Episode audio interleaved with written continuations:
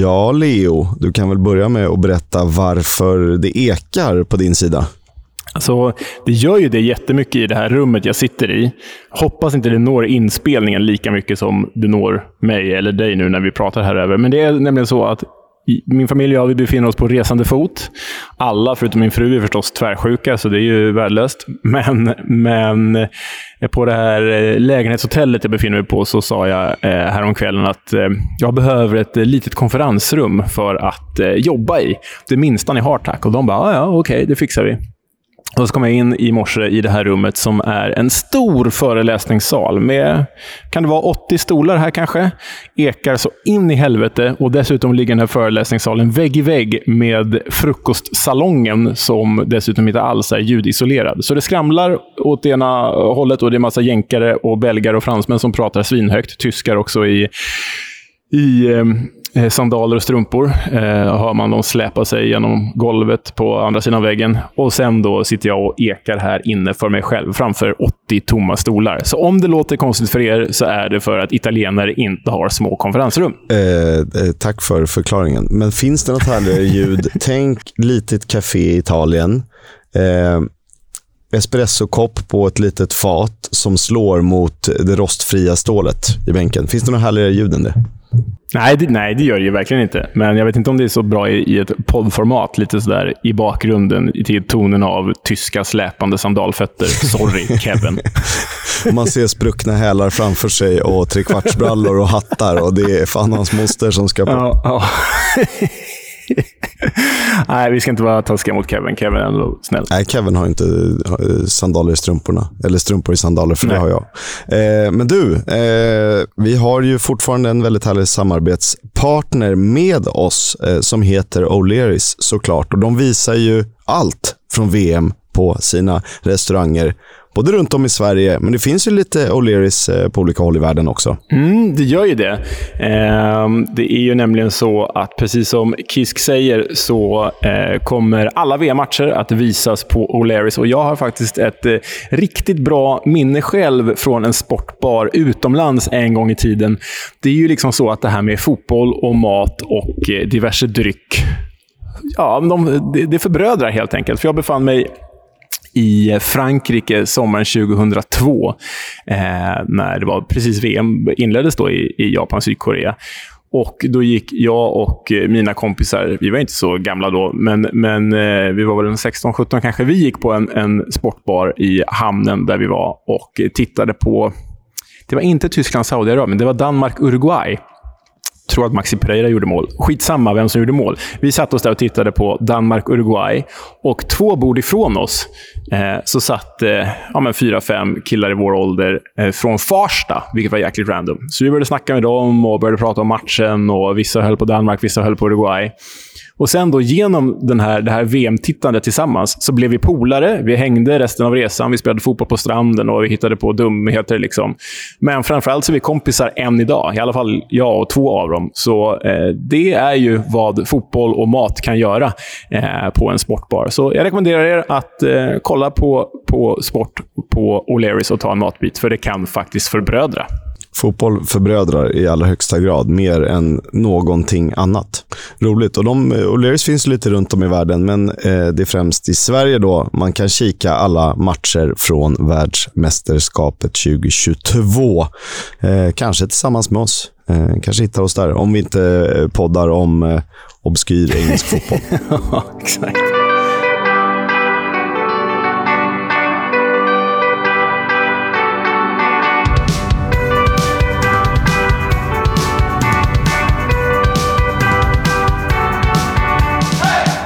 Du lyssnar på Footballs Coming Home, en podcast om Championship, League 1 och League 2, mest Championship förstås. Jag heter Oskar Kisk och med mig har jag i vanlig ordning från kontinenten Leonardo Jagarceldo Velandrinho. Fast Velandrinho kändes inte så italienskt, men vi kör på det. Ja, det var lite mer portugisiskt ändå. Ja, helt fel. Helt fel. Leonardo eh, kan jag köpa. Poddens eh, Ben Brereton Diaz. Så är det. Oj, vad mycket fotboll det finns att prata om. Och som ni kanske har märkt för det här laget har vi insett att det blir lite för matigt att göra både 24 matcher och eh, ett The Club. För det kräver sin lilla tid. Vi vill ju få allt rätt naturligtvis och vi vill hitta eh, de små godbitarna från berättelserna. Så att eh, den här veckan är det full fokus på matcherna och eh, det som hänt i den aktuella fotbollen. Vi eh, gjorde lite tvärtom av olika anledningar. Vi båda har varit på resande fot. Eh, så den här veckan blir det så att vi tar förra veckans veckoomgång först och eh, avslutar med helgomgången som var. Och eh, Nästa, eh, nästa vecka har vi väl typ 26 matcher att avhandla eller någonting eftersom det visar sig att det är två hängmatcher som spelas tisdag, onsdag när du lyssnar på det här. Så är det. Det blir, det blir ett ännu längre avsnitt. En lång följetong av matcher det här. Kul! Eh, det tar aldrig slut. Vi börjar med tisdagen. Det började mållöst eh, när Bristol City och Coventry drabbade samman. Mm, och det är ju, hör ju inte till vanligheten att Bristol City under Nigel Pearson går mållösa från en match. Men det gjorde de. Men den stora grejen här det var väl att gästande Coventry Coventry med Victor Gyökeres i spetsen, de tog faktiskt sin fjärde raka match utan förlust. Så det börjar ju röra på sig där nere i botten för Coventry som faktiskt har hängmatcher kvar. Så det är ju kul att se att den fina svenskklubben kan börja röra sig uppåt i tabellen. Ja, och även om det kanske inte även om det är liksom fortfarande ett litet gap upp, så eh, känns det som det är någonting av en liten eh, formskiftning eh, på sikt. Eh, för hemmalaget så spelade Antoine Semenyo på topp bredvid Naki Wells. Eh, Tommy Conway fick agera inhoppare. Och Victor Gyökeres, han spelade som sagt hela 90 minuter och hade ju ett patenterat läge från höger. Det blev ju mål i föregående omgång. Det blev det inte nu. Missade istället därav nollan i målkolumnen förstås. Och Det här var väl, om vi ska summera ganska kortfattat, eh, jämnt Eh, fördelat sett till chanser där nog Bristol City borde tagit ledningen första halvlek och gästen absolut borde ha gjort mål i andra halvlek. Gyökeres hade ju två lägen varav det där patenterade var hans bästa. Så 0-0 när Bristol City och Coventry möttes alltså. Eh, ett annat kryss, eh, desto mer målglatt när Luton tog emot Huddersfield på Kenilworth Road. Mm, det slutade ju 3-3 till skillnad från 0-0 och eh, det hade man inte riktigt sett framför sig att The Hatters kunde vara inblandade i så målrika tillställningar. Men den stora grejen här, Kiss, vet du vad det var? Det vet jag eftersom jag har eh, skrivit det.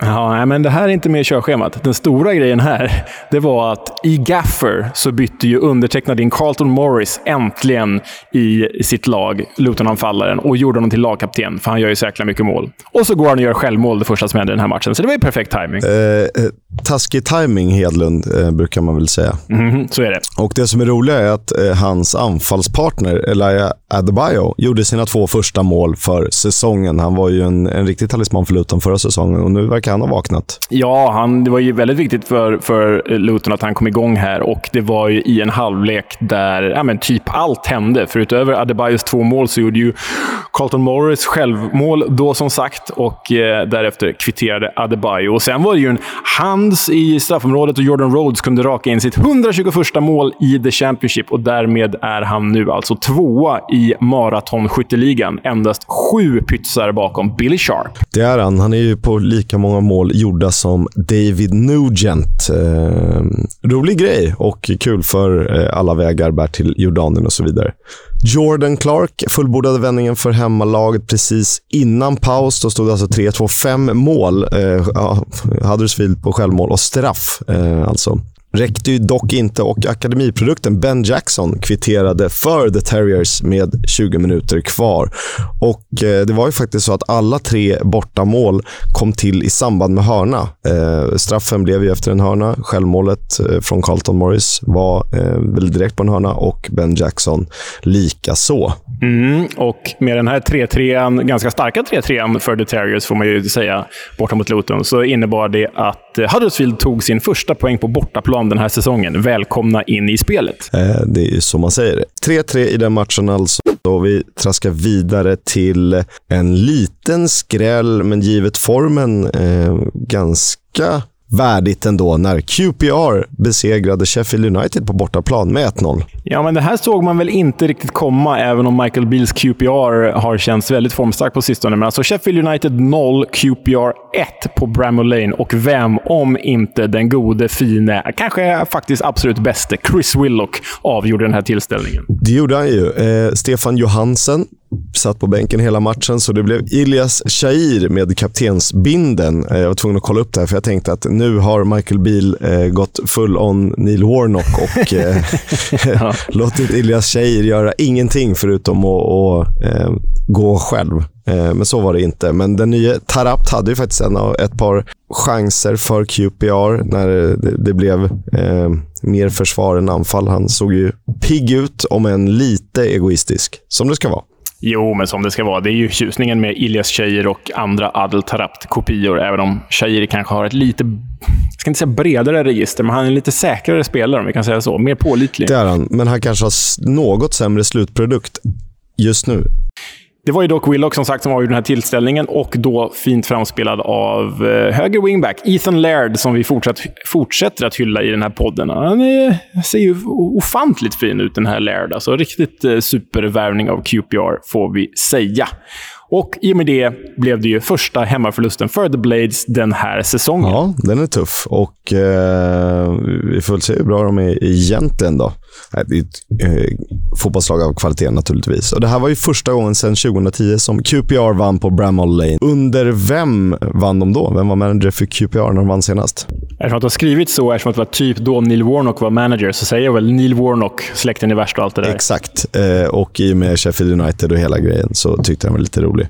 Sen är det ju möjlig straff för Sander Berge i slutet. Jag är inte själv helt övertygad om att det, det skulle vara det, men jag säger möjlig. Jag håller med. Möjlig. Man hade inte klagat om det skulle varit straff, men man klagar inte nu heller.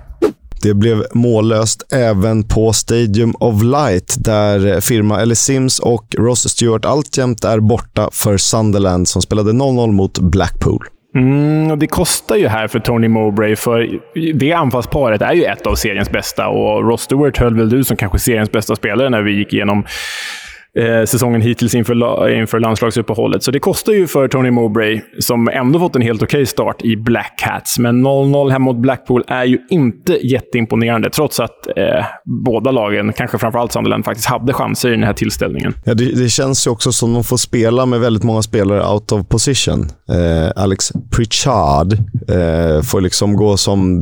De vill ju ha någon tydlig 4-4-2 och då, då ska han spela på topp. och ehm, kanske trycka in folk som inte riktigt är vana vid naturliga positioner på, på olika ställen. Exakt, det kostar. Men det här var ju första poängen för gästande Seasiders, gästande Tangerines, som man älskar, bägge deras smeknamn. Men deras första poäng efter tre raka förluster, så Michael Appletons killar fick äntligen en pinne. Ja, det var väl Jack Clark som så ofta förr som stack ut. Han känns ju verkligen som en spelare som eh, är lite för bra för The Championship, eller åtminstone toppen av Championship, men kanske inte riktigt håller i Premier League än. Eh, det får vi väl se. Eh, Chris Maxwell i Blackpool-målet tvingades sträcka ut på den och två gånger och räddade väl en poäng här för gästande Blackpool. Cardiff har av någon helt outgrundlig anledning vaknat till liv. Eh, jag har inga andra förklaringar mer än att det måste vara någonting med grundvattnet i Wales, södra Wales specifikt. Eh, de slog i alla fall Blackburn med 1-0. Ja, det hänger väl ihop med att Steve Morrison har fått kicken. Anti-Steve Morrison-effekten nu när Mark Hudson tagit över. Men det var ju första segern under interim-managern eh, Mark Hudson när han ledde sitt Cardiff till den här 1-0-segern över gästande Rovers. Jag eh, vill inte ge dig rätt eh, till 100%, men det verkar ju som du är på väg att få rätt eh, kring CR47, Callum Robinson alltså. Han producerade poäng och han spelade fram Mark Harris som en rejäl fullträff sköt 1-0 till Cardiff i 83 och han kan verkligen vara skillnaden mellan botten och övre mitten då, där kanske maxnivån ligger eh, för laget som det ser ut på pappret. Han snittar 1,07 poäng per 90 minuter, vilket är väldigt, väldigt bra. Ja, det är imponerande. Och framförallt är det imponerande att du ger mig cred när jag för en gångs skull förtjänar det. Låt det komma. Jag har sällan rätt, så bara låt det skölja över mig, Kisk. Mer! Ha mer! Nu tycker jag du är lite för ödmjuk. det är faktiskt bara en spelare som eh, producerar fler poäng per 90 minuter. Vill du gissa? En spelare som producerar fler poäng per 90 minuter. Nej, men jag drar till med Chris Willock då. Så är det faktiskt inte. Ah. Det är Ross Stewart. Och då, då pratar vi spelare som har, har spelat eh, hyfsat många matcher. Och har man eh, spelat eh, två eller tre matcher tycker jag knappt att man kan räknas med i statistiken. Men det är väl gränsfall. För eh, den som har flest poäng är Tolaji Bola i Rotherham. Jaha. nu sitter alla lyssnare och bara “Who that?” Who that? En assist på 38 minuter, så det är väl lite så här. Sen har vi DeMarjo Wright Phillips, ett mål på 38 minuter. Ja, han vet vi i alla fall vem det är. Exakt. Imran Losa, Oh, två poäng Han ska på prata mer om sen. 157 minuter. Han ska vi prata mer om sen. Ja, det ska vi göra. Det ska vi göra. Sen, sen var det ju en liten, eh, om vi återgår då till Cardiff Blackburn, så blev det ganska dramatiskt på slutet när Dominic Hayam kör över Ryan Alsop i, i eh, gästernas mål, eller i, i hemmamålet. Men han får straffen för att han kanske fälls av honom. Jag tyckte det var lite otydligt på reprisbilderna. Eh, domaren blåser ju straff. Men Ja, det var ju väldigt intensiva minuter här. Jag satt eh, och såg den här matchen. Det var ju kvällen före vi reste iväg. Och jag satt i min Blackburn Rovers-tröja, klubbprostituerad eh, som jag är. Eh, och jag gillar ju Rovers i mitt andra gäng i England, så det var mitt första gäng i The Championship i år. Så jag satt i min Rovers-tröja och kollade den här fighten. Och det var väldigt intensivt, för först så här, oh, oh, kommer, kommer de få straff? Nej, nej det får nog frispark emot sig. Och det blir mål! För det, bollen går ju in i mål. Alltså Blackburn kvitterar ju precis, alltså nanosekunden före domaren blåser straff. Så det är ju en regelrätt kvittering om man inte ska döma frispark mot Dominic Hayem då. Men det gör han inte, utan han dömer straff för Dominic Hayem mot Ryan Alsop. Vilket då borde ju kvitteringsmålet ha gällt. Men det gjorde det inte. Och så kliver de fram och bränner straffen. Äh, det var så sjuka minuter där. Så bara, jag helt svettig. För man kan ju aldrig få eh, fördel i straffområdet. Nej, precis. Tänker jag som icke-domare. Men jag har aldrig varit med om det på den här nivån i alla fall. Nej, det var ju lite stökigt. Alltså, hade han bara släppt situationen så hade det blivit mål, men jag fattar att han blåser och då blir det straff. Och då kliver alltså Hurst fram och Alsop räddar den. Eh, ja, Blackburn vägrar ju kryssa. De fortsätter ju vinna, förlora, vinna, förlora. Så det var ju lite symptomatiskt för den här säsongens Blackburn Rovers. 14-5 i skott, varav 5-2 på mål. Så helt orättvist var det ju inte för Cardiff. Och Blackburn, som du säger, fortsätter vara ojämna. Och det ska vi återkomma ännu mer till när vi tar eh, helgens omgång i fokus. Fler kryss. Reading Norwich får avsluta tisdagen. Eh, delad poäng 1-1. Ja, och det var veteranen och lagkaptenen Grant Hanley som satte ledningsmålet för gästande Norwich efter hörna. Faktiskt Norwich enda avslut på mål den här matchen, trots 65 procents bollinnehav. Mm. Eh, Kvitteringen kom efter en, en fin Jeff Henrik-träff, dock lurig studs. Eh, inte mycket att göra åt den. Tyckte den här matchen kändes ganska tempofattig överlag och inga jättechanser att skriva om, även om det liksom det kan ju vara underhållande ändå. Mm, ja, absolut. Det kan ju vara en böljande match likväl. Och det här var ju faktiskt Canaries nionde raka match utan förlust. Samtidigt som Reading då fortsätter att vara extremt svårslagna hemma på arenan med det delikata namnet Select Car Leasing Stadium. Ja, det, jag skämdes lite när jag skrev ner det, men rätt ska vara rätt. Onsdagen då inleds med kryss kronologiskt. Eh, ett gammalt eh, brunkar Premier League-möte för inte så länge sedan mellan två lag som man undrar vad, hur de har spelat fotboll genom åren. Men eh, det har de klarat sig på. Burnley-Stoke 1-1. Ja, men det är mest tidstypiska krysset för eh, modern Premier League-fotboll, får man väl säga. Burnley och Stoke känns som att det alltid slutar kryss. Men det var bra chanser för The Clarets att ta ledningen tidigare än vad de gjorde. Men det var först när Connor Roberts satte sitt första mål för säsongen i den 54 minuten som Burnley alltså tog ledningen. Det var ett fint fotbollsmål. Eh, Josh Brownhill agerade framspelare och han är väl en kandidat till en av årets spelare hittills. Ja, men det tycker jag absolut. Han har ju varit eh, klarast lysande i detta Burnley, som ju ändå gör det ganska bra. Eh, fast ändå inte riktigt så bra som man borde kunna kräva. Det, det är upp och ner. De hade ju också stora delar av den här matchen, men lyckades ju, förutom en ramträff, inte skapa så mycket. Och det fick ju de återigen lida för, för Burnley är ju den, det lag som tappar flest ledningar den här säsongen. Det fick de återigen lida för när Harry Clark kvitterade för The Potters för Stoke efter ett tafatt agerande i Burnleys straffområde. Så kan det vara. Och det, det, är svårt att analysera för mycket. Jag ska inte ge mig på det. Det finns de som är bättre på sånt fotbollsmässigt. Men de är ju svårslagna. Samtidigt är de lite för kryssglada. Å andra sidan, eller åt tredje hållet, då håller man det här, eh, vinna och kryssa, då är man ju ett av två lag till slut. Ja, det, ja, det kommer man ju vara. Det, det läskiga är ju bara om de börjar liksom förlora de här matcherna som de kryssar istället. Då är de ju nu inte ett av de där två lagen. Då är de ju Blackburn Rovers istället helt plötsligt. Men de känns ju extremt stabila. De behöver ju bara lyckas döda matcherna. De behöver ju ha en Jay Rodriguez i målform hela tiden, eller en Nathan Tella i målform hela tiden, eller hitta en tredje figur som kan göra mål hela tiden. Just nu har de ju inte det. Nej, det är väl Josh Brownhill eh, när han är på humör. Precis. Vi går vidare till ett klassiskt rugbymöte. Eh, Hall mot Wigan. Fan vad osexigt det låter när du säger ett klassiskt rugbymöte, men du har, du har ju rätt Jag har i det. inte fel. Nej, du har ju väldigt rätt. Men det kittlar, det kittlar ju inte när du säger rugbymöte. Kan vi inte bara hoppa över den här matchen nu? Jag vill inte prata om det. Nej, men eh, liket lever. I alla fall tillfälligt. Hall gör mål och vinner. Det är sjukt kisk. Och det var faktiskt Will Keane, som så ofta förr, som gav gästande Wigan ledningen. Han nickade in ledningsmålet och därmed gjorde han sitt femte mål för säsongen. Han eh, äntligen får han agera den talang han faktiskt spåddes vara en gång i tiden. Ja, det är skönt när man... Eh, det är i och för sig inte jättesvårt att peka på en nyckelspelare i Wigan inför säsongen. Men eh, det är ändå skönt att det håller ibland, som du säger. Man får, man får eh, klappa sig själv på axeln lite. Glädjen blev dock inte särskilt långvarig i och med att Dimitris Pelkas nickade in kvitteringen. Ja, det är en spelare som Hall-fansen har hängt upp stora förhoppningar på. Han kom väl från Fenerbahce inför säsongen va? och eh, kostade ganska mycket och har ju missat en del på grund av skada. Så vi får se vad han kan ge eh, The Tigers, men det här såg ju lovande ut i alla fall. Sen blev det ju faktiskt ett tredje nickmål för dagen när den personliga förhandsfavoriten, tycker inte han har varit så sexig att titta på även om han gör mål, men den personliga förhandsfavoriten, Oscar Estopinian, visade upp otrolig spänst när han avgjorde det här mötet. Och det var väl kanske hans första riktiga mål för säsongen, Kis. Ja, men jag kommer ihåg ett tag så skulle alla håna eh, Rod van Nistelrooy, som om man tittar tillbaka. Han var ju inget annat än en fantastisk målskytt, men, det skulle, men han skulle hånas för att han alltid gjorde mål så nära eh, mållinjen som möjligt. Han stod ju typ, i princip i målområdet och gjorde alla sina mål.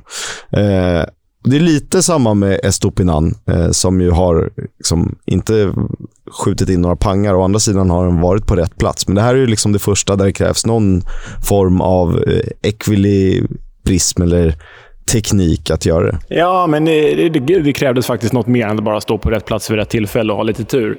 Men på tal om Van Nistelrooy, jag kommer ihåg när jag satt hemma i föräldrahemmet i tv-soffan och såg Manchester United-Charlton för en jäkla massa år sedan. Och så gjorde Van Nistelrooy mål. Han sköt utanför straffområdet. Och det var hans 151 i United-tröjan. Det dock första utanför straffområdet han gjorde för United. Helt sjukt. 151 mål innan han gjorde ett mål utanför straffområdet. Ja, Fox in the box har väl aldrig haft en, en tydligare spelare. Så är det. Eh, Pedro Martins, han såg den här matchen från läktaren och tanken var ju att han skulle ha blivit ny manager på fredagen. Den här matchen spelades alltså på onsdagen. Men icke, de eh, kom inte överens till slut. Nej, och det känns ju symptomatiskt för lite ovana ägare i Akon Ilicali och sådär. Så vi får se vem man hämtar in nu, men det är ju såklart inte vad Hall hade tänkt sig. Här blir dock Halls första seger efter fem raka förluster i ligan. Så de kanske tänkte att de inte behövde en Pedro Martins efter det där. De bara, "Nej, men vi kan ju vinna utan tränare, vi kör på. Ja, eh, högt spel var det i alla fall och eh, första trean efter fem torsk. Middlesbrough mot Birmingham. Mm, det slutade 1-0. Shuba Akpom av alla människor avgjorde för Borough. Nu är de tillbaka på gamla dåliga anfallare istället för nya dåliga anfallare. Eh, men han avgjorde det här mötet med matchens enda mål och det var ju faktiskt ett managerlöst Middlesbrough, precis som Hull, eh, som faktiskt tog segern, som flyttade upp dem ovanför det där lite läskiga nedflyttningsstrecket. Eh, där trodde man kanske att det var ett nytt Borough på gång. Sen kanske Paddy McNair borde varit utvisad redan innan efter att ha rivit ner en på väg att bli fri Scotty Hogan. Ja, jag hade nog tyckt att det varit en hård utvisning, men man har ju sett billigare röda kort om vi säger så. I övrigt handlade det här mesta faktiskt om eh, gästerna. Gästande Birmingham som verkar ha fått eh, eh, någon slags injektion här på sistone. Eh, har nog mycket att göra med Tai Chong och Christian Bielik som ju mm, ja, faktiskt utgör en otrolig mittfältsduo. En mittfältsduo för absolut den övre halvan i den här serien. Eh, men deras chanser saknade skärpa, saknades skärpa i avsluten. Och så brukar det vara med Troy Dini och Scottie Hogan numera. Middlesbrough hade ju faktiskt en boll till inne, men Marcus Fors var knappt offside, om man nu var det, när bollen nickades via ribban till honom och han kunde sätta den. Eh, matchen slutade alltså 1-0. Nya kryss när Rotherham drabbade samman med Millwall. Mm, en eh, match som innebar att det var Matt Taylors första som manager för Rotherham. Han har ju kommit från Exeter för att ersätta den till Derby flyktade Paul Warren. Och 1-1 mot, mot Millwall får väl ses som helt okej okay i, i, sin Rotherham-debut. Verkligen. Eh, Jay Cooper klippte Wiles ganska tidigt in i matchen. Barlaser satte straffen redan i den nionde minuten. Det var hans första mål för säsongen. Har ju ett gäng assist på kontot sen tidigare. Och Sen har ju Millwall då seriens mest skjutglada spelare och Jed Wallace-ersättaren och Millwalls dyraste värvning genom tiderna, Zian Fleming. Han gjorde sitt andra för säsongen och islossning är på gång. Och på vilket sätt dessutom. Det var ju ett ruskigt fint mål av den här tekniska liraren. Dessutom med fel fot, för det är ju med högen han skjuter den efterföljande frisparken eh, i ribban sen. Så Sian Fleming känns ju riktigt ja, men som en riktig läckerbit faktiskt nu när han har kommit igång. Ja, och nästan lite för bra för Millwall. No offense mot The Lions, men eh, har två så fina fötter. Och det är lite Tom Huddlestones nästan, även om inga övriga jämförelser. Fina TomTom. Rotherham skapade inte så jättemycket eh, mer farliga chanser än den där straffen som de satte och de får nog vara nöjda med att de tog en poäng även om de spelade på hemmaplan mot borta svaga Millwall. En liten skräll måste vi säga när eh, Swansea gästade Vicarage Road. Du, det kan man väl lugnt säga. Ett Watford som precis hade vunnit med 4-0 under nya tränaren Slaven Bilic åkte alltså på en hemmaförlust mot Russell Martins Swansea 1-2. Och detta trots att man tog ledningen genom Ismail Azar, framspelad av Ken Sema. Sen missade ju Yaser Aspria ett briljant läge som nog hade kunnat bli matchavgörande eh, till Watfords favör. Mm, för det var ju strax därefter, bara sju minuter senare efter det läget, som fransmannen Olivier Ncham med flyt styrde in kvitteringen för gästande Swans. Och sen kom ju matchavgörandet sent. Eh, 98 minuten när Ben Cabango nickade in 1-2 och då återstod ju faktiskt ytterligare 13 minuter. det är helt sjukt. De körde ju typ 121 minuter och sånt där, 122. Ja, men de hade haft eh, problem med domarnas tekniska hjälpmedel, vilket innebar att det blev rejält försenat. Men Swansea med en riktigt stark Victoria. Watford fortsätter att dala. Och jag tror fjärdedomaren visar upp en skylt med 17 övertidsminuter och då hittar de ytterligare fyra. Det var väl förmodligen i målfirande och så vidare.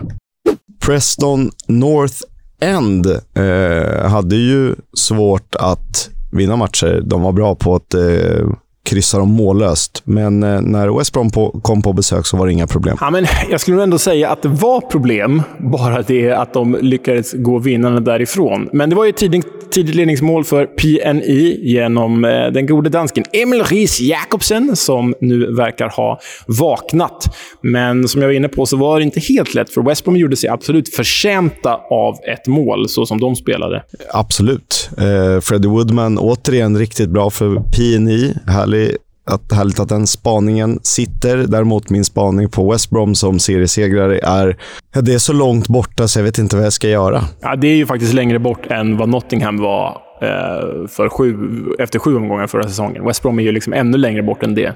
Ja, det är de väl poängmässigt. Eh, sen, då hade väl å andra sidan Nottingham tagit en poäng. West Brom har ju ändå skakat ihop 11 poäng och de är ju förhållandevis svårslagna. Eh, Eh, väldigt, alldeles för kryssglada. Men de, de skapar ju fortfarande lägen, men är för ineffektiva. Och jag vet inte vem man ska skylla på riktigt. Nej, men alltså, eh, Grant har ju ett friläge här i den andra halvleken som, som han bara ska göra mål i. Rejält fint framspelad av, jag tror det var John Swift som spelade fram honom. En fin macka i djupet. Men sen gör ju Freddie Woodman en dunderräddning där också, och rusar ut och gör sig stor. Men, men Carlen Grant är ju en av många som missar alldeles för bra chanser i detta West Brom.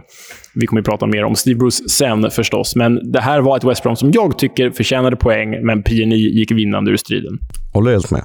Det var veckoomgången summerad. Eh, vi får gå lite djupare, om vi hinner, på det som hände under helgen. Vi börjar på fredagen när QPR och Reading drabbade samman i ett hoopsderby. Hoopsderby. Jag sa väl i förra episoden att eh, nu får vi avgöra vilka som är eh, riktiga hoops och för mig är det QPR. Men det var faktiskt en Reading-supporter som följer oss som skrev att Reading var faktiskt de som spelade i hoops först. Så ja, jo, vi, ursäkta det uttrycket. Vi vet att Reading spelade ihop först, men för, jag ska inte lägga ord i munnen på dig, Kisk, men för mig så är QPR Hoops och Reading är Royals. Eh, så kan det vara. Och eh, när vi summerar den här matchen så har QPR tagit fyra segrar och ett kryss på de fem senaste, som dessutom inte verkar behöva Willock eller Sheir i målprotokollet för att vinna. Nej, QPR känns ju riktigt fräscha och fina just nu, men det var faktiskt dock gästerna, de gästande hoopsen, som tog ledningen när Andy Carroll satte en bombsäker straff i mål, alltså 1-0, efter en halvtimme till gästande Royals. Det tog inte lång tid innan eh, Lyndon Dykes höll sig framme med kvitteringen på Martin Dahlin maner liksom slängnickade och skarvade den i bortre till 1-1.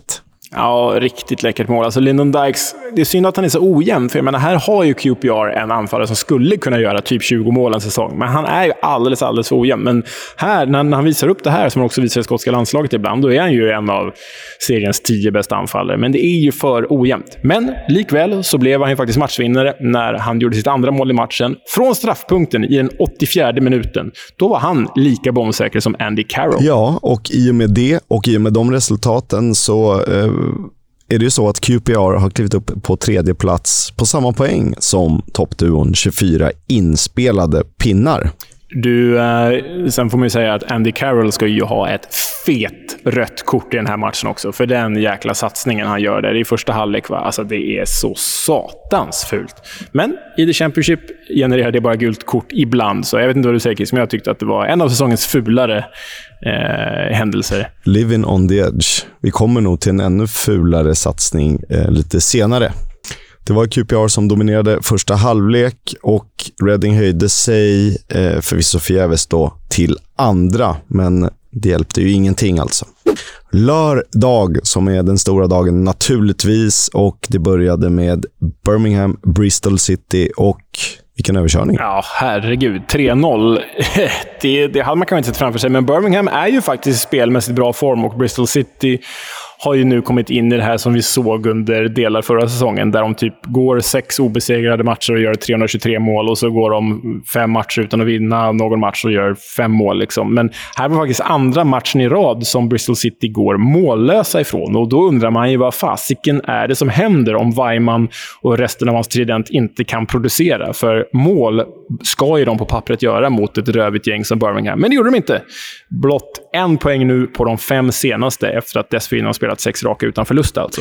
Ja, eh, då möter de andra sidan ett Birmingham som har vaknat, som bara förlorat en av de sex senaste matcherna och eh, hittat en ny talisman i amerikanen Austin Trusty. Han tillhör ju Arsenal och han gjorde sina eh, två första mål i engelsk fotboll när han var högst bidragande till segern mot ett rätt statiskt Robins. Mm, och eh, Dion Sanderson fyllde ju på med 300-målet. Det ska sägas att alla de här tre målen gjordes ju på hörna. Austin Trusties och Dion Sanderson. Så det var ju någon eh, match du nämnde här i veckomgången som där alla gjorde, kom på hörna också. Men så var det för Birmingham också denna gång. Och ska man gå på line-upen så spelade Andy Weimann återigen till vänster, precis som han gjorde eh, förra säsongen i tremannaanfallet.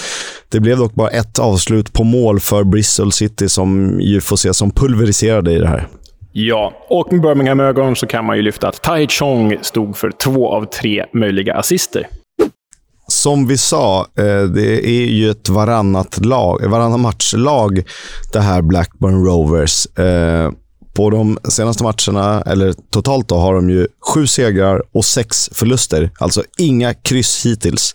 Eh, de vinner och förlorar varannan, både liga och cup, sedan 20 augusti. Förlust, seger, förlust, seger, förlust, seger, förlust, seger, förlust, seger. ja, det är otroligt. Men här körde de i alla fall över gästande Millerman. 3-0 hemma mot Rotherham. Och då fick ju Ben Berton Diaz bli tvåmålsskytt dessutom. Ja, och det tog ju honom upp till en andra plats i skytteligan. Han har verkligen vaknat till. Han delar den med en viss Josh Sargent. Eh, frågan är dock om vi börjar se Rotherhams riktiga nivå nu. Eh, och Det här kan vi ju summera när det kommer till alla nykomlingar?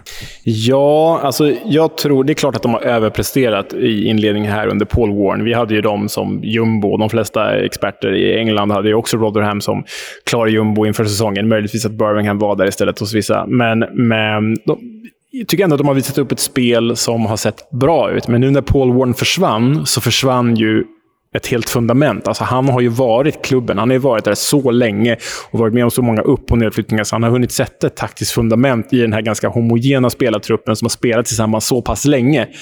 Så att, eh, att han försvann nu känns ju som en jobbig omstart för Rotherham som kan kosta dem en nedflyttning. Och Det känns som att vi borde prata med Victor Johansson om det här, om tränarbytet, om vad det betyder för honom och för resten av gruppen. Det kan, väl, kan vi göra när Taylor Ball har satt sig lite. Eh, bara två poäng på de fyra senaste och blott en seger på sju matcher för Rotherham alltså. Eh, Sami Smodic avslutade målskyttet. Han noterades för 1 plus 1 och det här är ju en härlig joker på den här nivån. Han har ju en jättehöjd ändå. Ja, nej, men alltså när han är bra, som han visade under sluttampen med Peterborough förra, förra säsongen, så är han ju ruskigt trevlig att titta på. Sen är han ju också väldigt sympatisk utanför plan, som vi varit inne på. Att han hjälper hemlösa och står i soppkök och sådär. Så nej, men härlig karaktär som vi önskar framgång. Ja, en kille vilar. Eh, på tal om, ja det är väl inga skrällar, Birmingham Bristol City en skräll, men Blackpool Watford 3-1 är ju en jätteskräll. En dunderskräll. Ja, men det är, så här får det inte se ut. För, alltså, vi kommer att hylla Blackpool, men om vi tar på oss Hornets glas, Elton John-glasögonen först, och de här discoglasögonen som är lite för stora för ansiktet, så, så var det här alldeles för mycket disco och för lite fotboll. För Watford känns ju håglöst. De har alltså en ny manager Slaven Bilic som brukar ändå sparka igång eh, ganska trötta trupper. Han vann ju direkt med 4-0, men nu två raka förluster och det ser ju inte bra ut. De var ju alltså överkörda av ett Blackpool i ganska dålig form dessutom. Det är inte imponerande. Ja, det var en motsägelsefull match sett till statistiken, för Watford hade trots allt 74 procent av bollinnehavet, men det var Blackpool som hade avslutet 9-5 i skott på mål. Och det var Gary Madin som var först ut och gav, ledningen, äh, gav hemmalaget ledningen efter 10 minuter spelade. Och om vi ska prata någonting positivt kring Watford, förutom att Ken Sema återigen får förtroende, det gillar vi ju. Men då var det faktiskt kvitteringen från Imran Lusa. Alltså, han är en sån magiker. Den här frisparken, Kisk, i målvaktens kryss. Curlad förbi muren i målvaktens kryss, kryss och ändå otagbart. Fast målvakten står där. Det är ett sånt sabla vackert mål alltså. Det är en riktig artist det här, Imran Lusa. Ja, det är, det är, det är en jätte, jättefin curlad frispark. Det är bara att lyfta på hatten. Men vad hjälpte det? Och Jag tycker ändå att jag gillar 2-1 målet. Det är Jerry Yates som gör det för Blackpool. En direkt volley på inspel från Hamilton. Eh, stabilt, snyggt, säkert. Ja, och Jerry Yates spelade faktiskt på fel position i den här matchen. Han brukar spela på topp. Han fick spela på kanten idag, då, eller idag, den, eh, i, i helgen. Då, eh, och gör två mål från den positionen. Eh, det andra målet är härligt också, för han dribblar ju bort William Trostekong som att det vore en P12-spelare han mötte. Eh, så fint av Jerry Yates, desto sämre av Trostekong som ju har sett bättre dagar i karriären. Ja, och jag har lyssnat på lite röster från England eh, kring Watford. och engelsmän och fotboll, de har ju sitt sätt att uttrycka sig. Eh, men de pratar väldigt mycket om att det är inställningen som saknas. Och tittar man på det med den typen av glasögon så kan man ju förstå. Sen tycker jag att det är alldeles för obalanserat och det har vi pratat om hela tiden, att försvaret känns väldigt mycket sämre än vad anfallet är. Ja, men, ja, men det är ju det. Alltså, vi har ju, nu har ju försvunnit bra spelare från The Hornets, men vi har ändå Ismail, eller de har ändå Ismail Azar, de har eh, Losa, de har ju eh, Ken Sema som ändå håller en, eh, håller en hög nivå i, i The Championship. Eh, de har Joao Pedro. Alltså, det här är ju spelare som är, flera av dem, goda nog för Premier League. Men att väga upp det med ett försvar där Craig Cathcart var liksom Premier League-mässig för tio år sedan. Vi har William Trostekong som mest sett snurrig ut sedan han kom till Watford för typ två, tre år sedan. Vi har Dan... Och här spelade de ju dessutom Dan Gosling som högerback och han är ju knappt hållbar som innermittfältare nu för tiden. Vilket han egentligen är då. Och, och så, ska han spela, ska, så ska han spela högerback. Sen har vi ju Hassan Kamara på, på vänster och han är ju svinbra. Honom gillar vi ju. Men, men sen har vi också centralt mittfält där Tom Cleverley ska vara ledarfiguren. Och Tom Cleverleys bäst före-datum har ju också passerat. Så det är ju väldigt höga toppar. Kanske de högsta topparna i hela serien. Men dalarna är ju djupa. De är ju liksom... Ja, men, jag vet inte, Wiggen-djupa och man får... Ja, det är inte bra helt enkelt. Det är obalanserat. Nej, om man tycker att här, West Brom är, är, kan vara lite röriga. Jag tycker ändå där finns det någon slags balans. De kanske inte har kvalitet, tillräcklig kvalitet på alla positioner, men det är ju ändå en en jämnt byggd trupp. Eh, ja, nej, men det är, det, det är bara alldeles för svagt för, av, av Watford. Desto mer imponerande av Blackpool då, som hade gått fyra raka utan seger innan man då besegrade Hornets i den här matchen. Ja, och nu står det klart att Bilic har lika många förluster med Watford på tre matcher som eh, Edwards hade på, vad det var, nu var, tio matcher. Ja, där visar ju eh, ägarna Pozzo återigen prov på ett alldeles för snabb eh, eh, avtryckare. Alltså, det såg ju inte så dåligt ut, under Edwards. Och han var ju en helt annan tränartyp som han gav förtroende. Han behövde ju, som vi var inne på, han behövde en halv säsong på sig, åtminstone, för att ställa om den här truppen. Och han får tio matcher. Nej, det är ju... Och nu är han högvilt dessutom för andra klubbar, så nej, Potso har gjort bort sig. Coventry Burnley slutade 0-1 sedan Nathan Tella gjort matchens enda mål och då skjutit eh, den tionde raka utan förlust för Burnley. Och Det är ju ohyggligt imponerande. Dock 4-1 matcher på fem innan den här segern. Vi var inne på det tidigare avsnittet. Det kryssas för mycket av the Clarets. Eh, men likväl imponerande form. Noll avslut på mål för Coventry. Synd för Gyökeres och de andra killarna. De hade ju dock en boll som tog i ribbans undersida och frågan är om de faktiskt inte landade bakom mållinjen. Vad säger du om det, Kisk? Jag, eh, jag, det såg ut som den gjorde det, men å andra sidan har de ju goal line technology och då får man lita på att den funkar. Som, fast det har ju visat att den inte gör tidigare under säsongen. Nathan Tella gjorde alltså sitt femte mål för säsongen och eh, de behöver ju en Tella eller Rodriguez eller Brownhill som avgör matcher. För i övrigt är de ju så pass bra. Coventry är alltjämt kvar som jumbo medan Burnley knappar in på toppen. De har två poäng till eh, trojkan där uppe med Sheffield United, Norwich och QPR. Jäkla smaskig tabell nu. Alltså, nu är det jämnt. Nu är det som det ska vara. De där, det är skönt att Blades och Canaries har tappat poäng så att de andra kommer ikapp. Det, det är så här det ska vara. Mysigt, jämnt, svettigt. Mm. Får se hur många av lagen som orkar hålla sig i hålla det här tempot. Millwall, Middlesbrough och då kom ju det som vi har väntat på så länge. Då kanske man tror att det är Boros förvandling. Det är det inte. Det är den riktiga islossningen för Sian Fleming. Ja, men gud ja. Vilken spelare de har hittat här. Alltså, nu får vi äntligen se det. Han gör alltså bägge målen i den här matchen, även om det första är med väldigt mycket flyt, för det är ju en touch i muren på en ganska ja, men svag frispark som ställer Zack Steffen i Middlesbrough-målet. Men mål är ju mål. Eh, och det var ju en rejäl överkörning här. De hade alltså 7-1 på avslut, i avslut på mål, Millwall mot Middlesbrough. Så det hade kunnat bli mer än två. Nog för att de brukar vara bra på the den. Men eh, det här var ju en eh, rejäl käftsmäll för Borough, Borough. Och de borde gjort ytterligare något till mål. Och det blev ju ett, åtminstone. Eh, två totalt när Holländaren Sian Fleming fick stå fri och sätta 2-0 hyfsat enkelt. Och nu pratar engelsmännen om att han ska gå för 20 miljoner pund efter fyra på fyra och tre på två. det, går, det går satans fort där på öarna. Vi får se. Låt han spela en säsong i, i, i, den först, så får vi se vad som händer. Har du koll på hans smeknamn, eller? Nej, ingen aning. Du har inte det? För det, det här, nej, nej, nej. det här är ju nästan i paritet med The Loch Ness Drogba. Oj, kul! Nu är det, nu är det höga förväntningar här. Få, få höra då. Om jag säger... Eh, det är två enkla ledtrådar. Det område som Millwall spelar i och en av dina favoritspelare som också är landsman då med Sian Fleming. Bermondsey... Uh, Bermondsey... Ja, men det måste vara Bergkamp. Bermondsey Bergkamp. Ja, det är ju det. den är svinfin ju. Den gillar vi. Ska ja, bara benämna någon som Bermondsey Bergkamp från Ja, det är otroligt.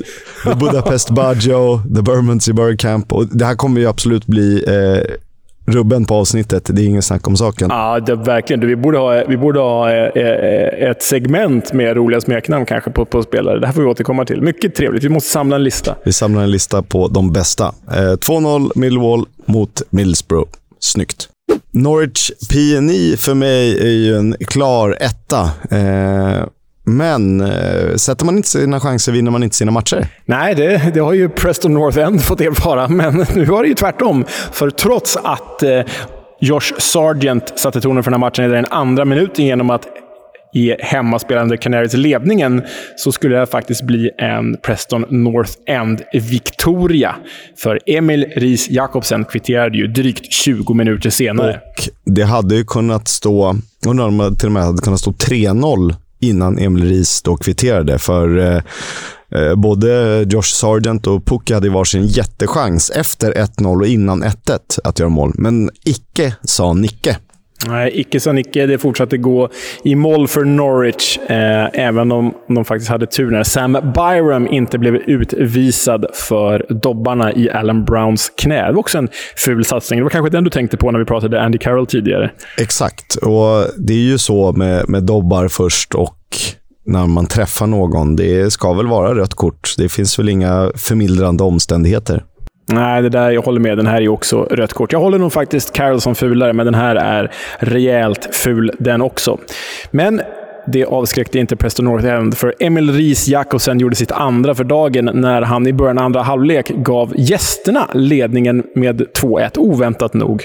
Kyligt avslut, men den här matchen hade inte slut på vändningar och kvitteringar. För Gabriel Sara eh, gjorde sitt första mål för Norwich. Eh, miljon, mångmiljonvärvningen kvitterade i 76. Ja, Kisk. Men sen kom Spurs-pojken. Tottenham Troy Parrott har vaknat. Han avgjorde ju den här tillställningen dock mycket tack vare fumliga händer i kassen på Tim Krul, får man väl säga. Men Parrott blev matchhjälte genom att eh, faktiskt sätta det avgörande 3-2-målet för Preston North End. Ja, det, det, det, är absolut inte lustigt på så sätt, men han var, blev ju inbytt. Eh, avgjorde och sen lyckades han skada sig på köpet så att han blev utbytt. ja, det är otroligt. Vilket Det är ju ett hattrick. Inbytt, målskytt, utbytt. Mm, underbart. Norwich gör ju faktiskt 3-3 i den här matchen, men det döms bort efter gruff i straffområdet. Eh, väldigt oklart. Det är väl någon liten screening där som domaren reagerar på. Ja, men väldigt hårt dömt tycker jag. Nu är jag kanske lite Canaries, Norwich-färgad, säger jag istället, enklare, eh, i just det här mötet. Men eh, jag tycker det var oklart. Det eh, känns som att den här kvitteringen borde fått stå om domaren inte såg något som jag fullkomligen missade. Ja, jag var tvungen att kolla den två, tre gånger för att hitta någonting att reagera på, men det var väl inte riktigt solklart. Men den här omgången bjöd på fler käftsmällar för topplagen och det visade sig att gammal är äldst och släkten är värst när eh, Sheffield United åkte på andra raka förlusten, även om de då i kvar i serieledning. Ja, det var ju faktiskt så att The Blades Boy född och uppfostrad och uppvuxen och allt vad han är. Sheffield United-ikonen Phil Jagielka spelade ju fram till 1-0 för Stoke och gjorde själv matchavgörande 2-1 strax före paus. Och Jagielka har ju i princip ett årtionde professionell fotboll i The Blades bakom sig. Så det var ju typiskt förstås. Hans första mål sen typ 2018 också. Så det var ju väldigt typiskt, men också fint. Jagielka gillar man ju. Det gör man. Man gillar, eh, man gillar en, en gammal man i, i serien. så att man får känna sig lite ung. Han är ju eh, den enda 40-plussaren i serien. Han fyllde ju 40 för 55 eh, dagar sedan eller något sånt där. Mm. Eh, Rian Brewster hade ju kvitterat mellan, mellan eh, 1-0 och 2-1, obviously. Ja, sen klev ju fram då Rory Delaps son, Liam Delap, lånad från Manchester City och avgjorde den här tillställningen fullkomligt när han på stopptid satte 3-1. Och det här är ju en stark victoria för Alex Neil och Stoke, men det ska ju sägas, Kisk, att Sheffield United saknade 11 spelare på grund av skada. 11 spelare. De fick spela med spelare ur position, de fick spela med ungdomar i startelvan, de fick ha fyra ungdomar på bänken och de kanske saknade ja, men, tre av seriens fem bästa spelare hittills i form av Anel Ahmedhodzic, Sander Berge och Ollie McBurney. Det känns sjukt att säga att Ollie McBurney är en av seriens bästa spelare, men så har det varit. Och då är det kanske inte så konstigt att man torskar eh, i Stoke-on-Trent. Nej, alltså jag vill fortfarande vidhålla att de har ett eh, ganska bra fotbollslag på pappret. Och det är ganska många namnkunniga spelare. Basham, Egan, Norrington Davis, Norwood, kanske en av de bästa spelarna den här serien har sett senaste decenniet. Med Doyle, Kadra, NDI, Brewster och så vidare. Billy Sharp eh, kom ju in, men ändå, det är ett tufft läge. Ja, men det är otrolig bredd, är det ju. Ja, men Ja, det, det, är en otrolig bredd, men man förstår att det går grus i maskineriet när de saknar så många och så bra ja, spelare. och det är ett väldigt saknar. tufft schema. Det vet vi redan innan. Men jag tycker att Stoke har väldigt, väldigt, väldigt fin energi i den här matchen. Och eh, kanske är det på grund av skadorna och eh, lite trötta spelare som har möjligtvis någorlunda överpresterat på sistone. Eh, men eh, absolut, hatten av. Din playoff-utmanare Swansea, jaha, vad har hänt här? Ja, men nu har de faktiskt lyssnat på det jag sa inför säsongen. Nu, förra säsongen så tog det ju fram till typ januari eller februari innan Russell Martin Ball satte sig. Då började Swansea spela bra. Då var det för sent. Nu har de ju ändå alltså 15 poäng på de sex senaste efter att ha slagit Sandland med 2-1 nu.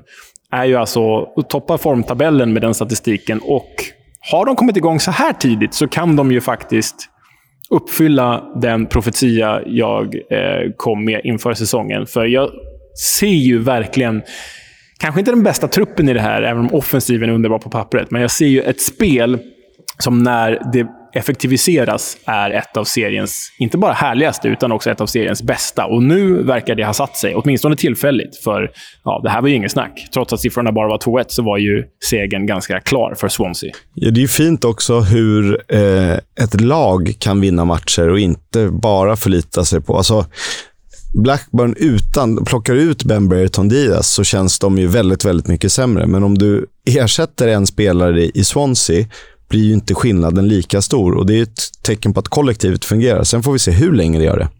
Mm, exakt. De har ju visat att de inte är beroende av Joel Pirots mål längre, även om han faktiskt har börjat spela bra.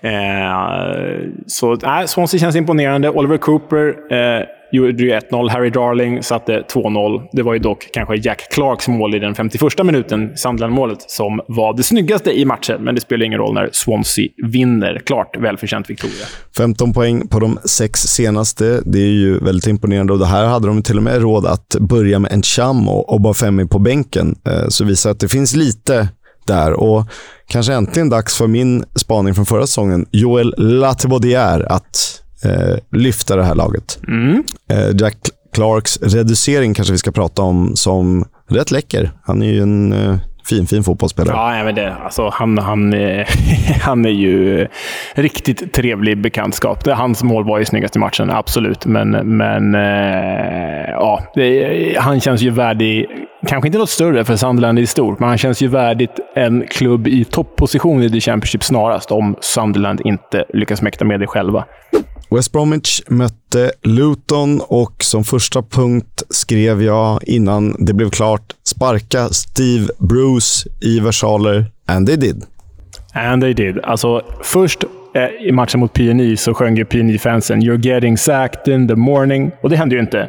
Men i den här matchen så sjöng ju Luton-fansen “You're getting sacked in the morning” och det hände. Så, så sjöng man det tillräckligt många gånger, då, då sker det tydligen. Ja, nej, men 0-0 här hemma mot Luton och det är väl ett resultat som är helt okej okay egentligen. Men en seger på 13 matcher med den här truppen är ju ur uruselt. Det är under all kritik. Och jag har ju faktiskt försvarat Steve Bruce på sociala medier genom åren lite grann, framförallt när han var i Newcastle. Och framförallt i diskussion med den trevlige Noah Bachner. Eh, men, men det här går inte att försvara. En seger på 13 matcher är ja, men fenomenalt uselt. Det är en bedrift i sig. Ja, eh, men då ska man ju också prata om att spelartruppen har ett litet ansvar. De är ju tvåa i XG-tabellen och etta i XG på hemmaplan-tabellen. Och om du sen via Experimental 361 räknar ut en tabell på det här så skulle West Brom legat etta, obesegrade med 31 poäng. Och eh, Man får inte fastna för mycket i statistik, eller ifs and buts, eller på pappret. Men det är kanske en liten fingervisning ändå om hur mycket de har skapat och således missat. Ja, alltså det den där statistiken säger, det finns ju två slutsatser att dra av det. Det ena är att XG inte fungerar, att det inte stämmer. Och det andra är att det är ju mer spelarnas fel än Bruce fel. Alltså, då har ju Bruce gjort allt han kan Om det stämmer så har han gjort allt han kan göra och det ser ju bra ut, bara att de inte gör mål och de släpper in för enkla. Hade de haft en målskytt, och, eller hade de satt sina chanser och faktiskt haft en person, någon i vägen i kassen, så hade, det, hade de ju lett serien, som du säger här. Men det gör de inte och då blir det kanske hårt att lägga det här på Bruce ändå. Men någonting måste ju hända här. Någonting måste ske och då är det kanske lättare att sparka Steve Bruce än att göra sig av med halva spelartruppen. Ja, och jag läste vad Charlie Austin skrev. Han tyckte aldrig att West Brom borde sparkat Slaven Bilic 2019 samtala i smågrupper. Det fanns ju lite chanser åt båda håll, kanske inte jättefarligt. Carlan Grant och John Swift började på bänken. De kom in för sent och det tyckte folk var konstigt med bytena. Men alla har väl hakat upp sig på att det är Steve Bruce som är problemet och ingen annan. Ja, så får vi se om det blir bättring beroende på vem de väljer.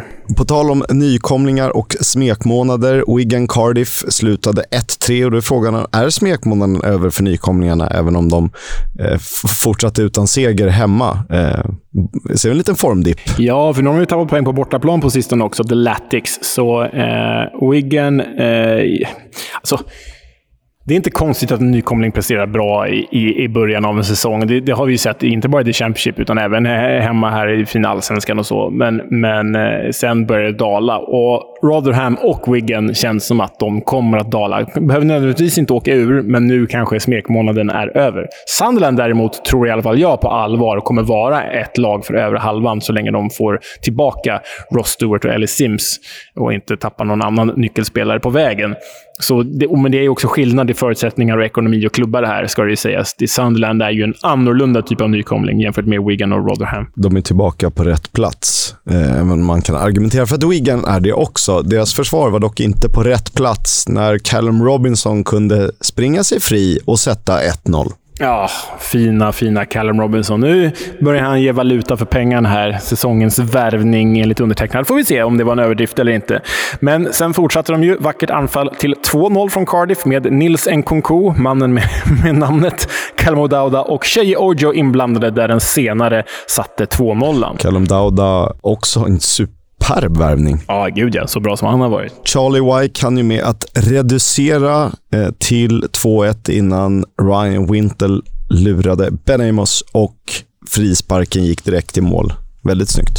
Mm, och... Eh, Cardiff smyger ju helt plötsligt med nu eh, och eh, får väl efter Reading då ses som en ganska stor överraskning. För helt plötsligt är de ju på ganska bra mark från att ha inte varit det för ett par matcher sedan. Mm. Ja, men det tycker jag absolut. De, eh, de plockar poäng och Callum Robinson-effekten är kanske större än vad vi tror. Omgångens sista match spelades på söndagen mellan Huddersfield och Hull. Den slutade med en stabil 2-0-seger för hemmalaget The Terriers. I vad som får kallas ett Yorkshire-derby och ett Derby. Huh! Huddersfield mot Hull. Lite långsökt och dåligt där, det senare ber jag om ursäkt för. Men det var ju framförallt oturligt för Hulls lagkapten Levi Cole när han styrde in Etienne Camaras boll i eget mål redan efter en halvtimmes spel. Hall var ju dock inte ofarligt. Huddersfield var det bättre laget dock och skapade mer och då kunde faktiskt nyförvärvet, mittbacken, polacken Michal Hellik utökas strax efter paus. Och då kändes det ju hyfsat sek se säkert. Säkert? Säkert, från Stockholm. när, när Hall då tog sin, eller åkte på sin sjätte förlust på de sju senaste. Det här var också Mark Fotheringhams första seger med eh, Huddersfield i vad som var hans hemmadebut. Som vi sa, det spelas två matcher den här veckan. Vi vet inte hur de slutar när avsnittet spelas in. Tisdag, Wigan Blackburn. Derbykaraktär, nästan, om man vill krysta det till där uppe. Eh, onsdag, Bristol City mot PNI. Preston North End alltså. Och vi kommer att avhandla dem i nästa avsnitt. Sen vill jag lyfta en grej här från League One och det är Derby mot Port Vale. Jag vet inte om du har sett det här Kisk, men det har figurerat på sociala medier ett tag nu. Port Vale från Stoke-on-Trent hade ju alltså, hade ju, hade ju alltså eh, inte, inför den här matchen hade de inte fått en straff tilldelad sig. På 73 matcher hade Port Vale inte fått en straff tilldelad sig. Mötte Derby, bortaplan, släpper in 1-0, får straff den första på 73 matcher. Och bränner den. Den Nej. första på 73 matcher och bränner. Men domaren var faktiskt mer generös än så, för han gav dem en till straff ett par minuter senare, som de lyckades kvittera på. Sen vände de faktiskt matchen och vann med 2-1. Men jag tyckte det var en ro rolig detalj här att Port Vale inte hade fått straff på 73 matcher. Och så brände de skiten för att sen då få en andra och sätta den. Så äh, rolig detalj från League One. 100% eh, någon som kommit på en fyndig ramsa med att de inte behöver straffar för att göra mål efter det. Derby lite halvtufft i, i den övre mitten när Plymouth Argyle och Ipswich ser ut att storma mot Championship. Mm, det är ju välkommet. Ja, roliga lag, naturligtvis. Steve Bruce är alltså sparkad av West Brom efter blott åtta segrar på 32 matcher sedan han tog över Baggis. Jag säger äntligen. Eh, vi får se vad som är problemet. En spelartrupp som underpresterar, en urusel manager eller om det är ägaren Lai Guchan som är rätt man för jobbet. Han är ju ifrågasatt i England på grund av bristande intresse. De tycker bara att han ser det som en trofé att äga en klubb i Storbritannien. Ja, det är ju lite så. Han har alltså plockat ur pengar ur West Brom för att göra lite vad han vill med dem. Jag vet inte riktigt vad han mot hans andra företag. Och sen har de ju visat prov på ganska dåliga beslut. De har ju alltså sparkat Slaven Bilic. De har ju sparkat Valerian Ismael när det började gå lite sämre, men ersätter dem med en Steve Bruce där det går ännu sämre. De har liksom devalverat sina tränare under de senaste bytena. Eh, så nej, det behöver ju hända något i West Brom högre upp, för en ny tränare kommer bara vara en kortsiktig förändring. Det kanske kommer gå bra. Det kanske kommer gå till Premier League igen, men det känns som att de är värdiga en mer investerade ägare, om vi säger så. Vem vill du ska ersätta då, Kiss? Vem är du sugen på? Jag står kvar vid att Scott Parker hade varit ett bra alternativ. Han eh, är en bra manager för nivån. Han har ju löst uppflyttning gånger två, även om han har fått det tufft i Premier League. Men just nu tror jag det skulle kunna funka riktigt bra och känns som att det är lite back to basics också. Vad, vad, vad tänker du? Ja, men, om vi tar namnen som diskuteras här. Scott Parker, Gary Rowett i Millwall, Roy Keane, vilket är helt sinnessjukt. Eh, även Michael Carrick och Rob Edwards då tycker jag att man ska gå på en, som du säger, Scott Parker eller Gary Rowett typ. För det här manskapet är mer gjort för en mer pragmatisk tränare. Även om de har bra offensiva spelare så är manskapet mer pragmatiskt. Det är, mer, ja, men det är fortfarande ett Slaven Bilic-manskap, om vi säger så. Det har gått några år sedan han var här, men, men det är ju fortfarande den typen av trupp. Och då kanske, ja, men till och med jag menar, Chris Wilder är också en pragmatisk tränare. Chris Wilder hade ju varit ypperlig för West Brom, skulle jag tro. Han skulle definitivt kunna lyfta de här upp till Premier League till, inte nu i vår, men kanske nästa vår. Så jag lanserar väl Chris Wilder och du lanserar Scott Parker, men jag tror att Gary Rowett också hade gjort ett bra jobb. Jag tycker inte att de ska chansa med en annan typ av tränare som Rob Edwards eller Michael Carrick. Och Roy Keane vore ju så trött så klockorna stannar. Ja, det vore ju självmord. Och på tal om de namnen du nämner, däribland då Michael Carrick och Rob Edwards, så är ju Middlesbrough också intresserade. Eh, det kanske blir någon slags dragkamp. Michael Carrick hyllas ju för sitt arbete i Manchester United. Ja, och då finns det ju faktiskt den här Middlesbrough-Manchester United-kopplingen på tränarbänken sedan tidigare. Jag menar Brian Robson, gammal United-kapten, han gjorde ju sig ett namn som tränare i just Middlesbrough. Eh, vi har ju... Eh, vem, vem tappar jag bort nu som, som jag hade i huvudet alldeles nyss? Eh, Ja, eh, jag vet att det finns fler exempel, men det är inte så trovärdigt här när jag glömmer bort vem jag skulle säga. Men det är Brian Robson och flera United-profiler. Jo, just det. Steve McLaren, assisterande under Sir Alex Ferguson och som sen lyckas väldigt bra som tränare i Middlesbrough. Så jag gillar den här United-kopplingen. Jag ser gärna Carrick prova på här. Eh, Rob Edwards vore ju kul förstås om han skulle få revansch efter Watford, men jag ser gärna Carrick i Borough. Spännande att följa. Eh, på transferfronten så har, håller enligt italienska medier AC Milan koll på Ben Berton Diaz och redan i januari kan ju andra klubbar börja förhandla med BVD då hans kontrakt löper ut till sommaren. Positionsmässigt inte helt fel eftersom att eh, han då skulle ersätta Rafael Leao som ju har samma typ av position. Spelar till utgår från vänster, kan kliva in som striker. Men det är ju enorm nivåskillnad än vad vi gillar den gode BBD förstås. Samma Milan ska också vara intresserat av norrmannen Sander Berge som varit en av de främsta innermittfältarna de senaste två säsongerna i vår kära serie. Och Elijah Dixon Bonner, vars kontrakt med Liverpool löpte ut i somras, är på väg att skriva på för QPR. Mittfältaren har tränat med klubben och uppges presenteras snart. Spännande. Kan ingenting om honom, men det ser jag fram emot. Ja, han, är ju, han har i alla fall dubbelnamn och det älskar vi i den här podden. ja.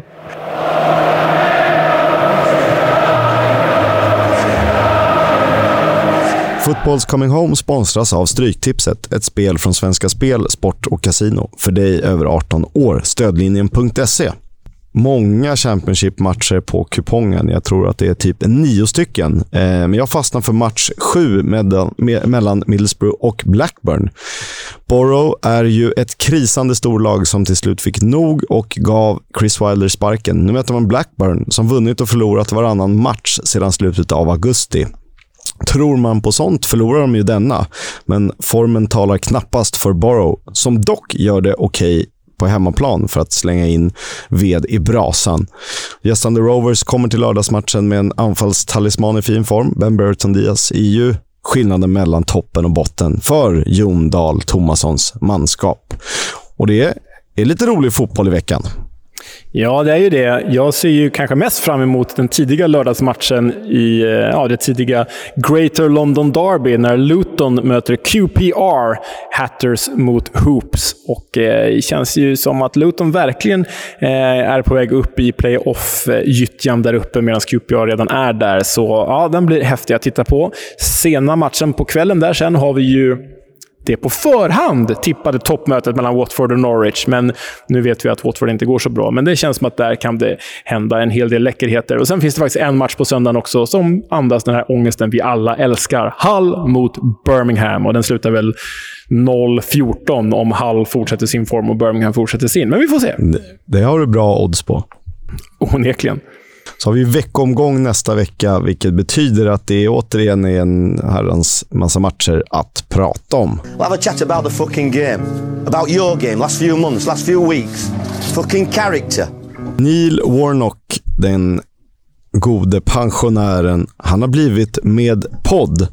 Och eh, det måste vi kort presentera, tycker vi, och lyfta. Och eh, den heter ju DF TP och ni kan nog själva räkna ut vad det står för. Vi eh, kan väl spela en liten snippet av eh, vad namnet står för. I mean, I've done quite a few podcasts, mm. David, uh, since I've retired.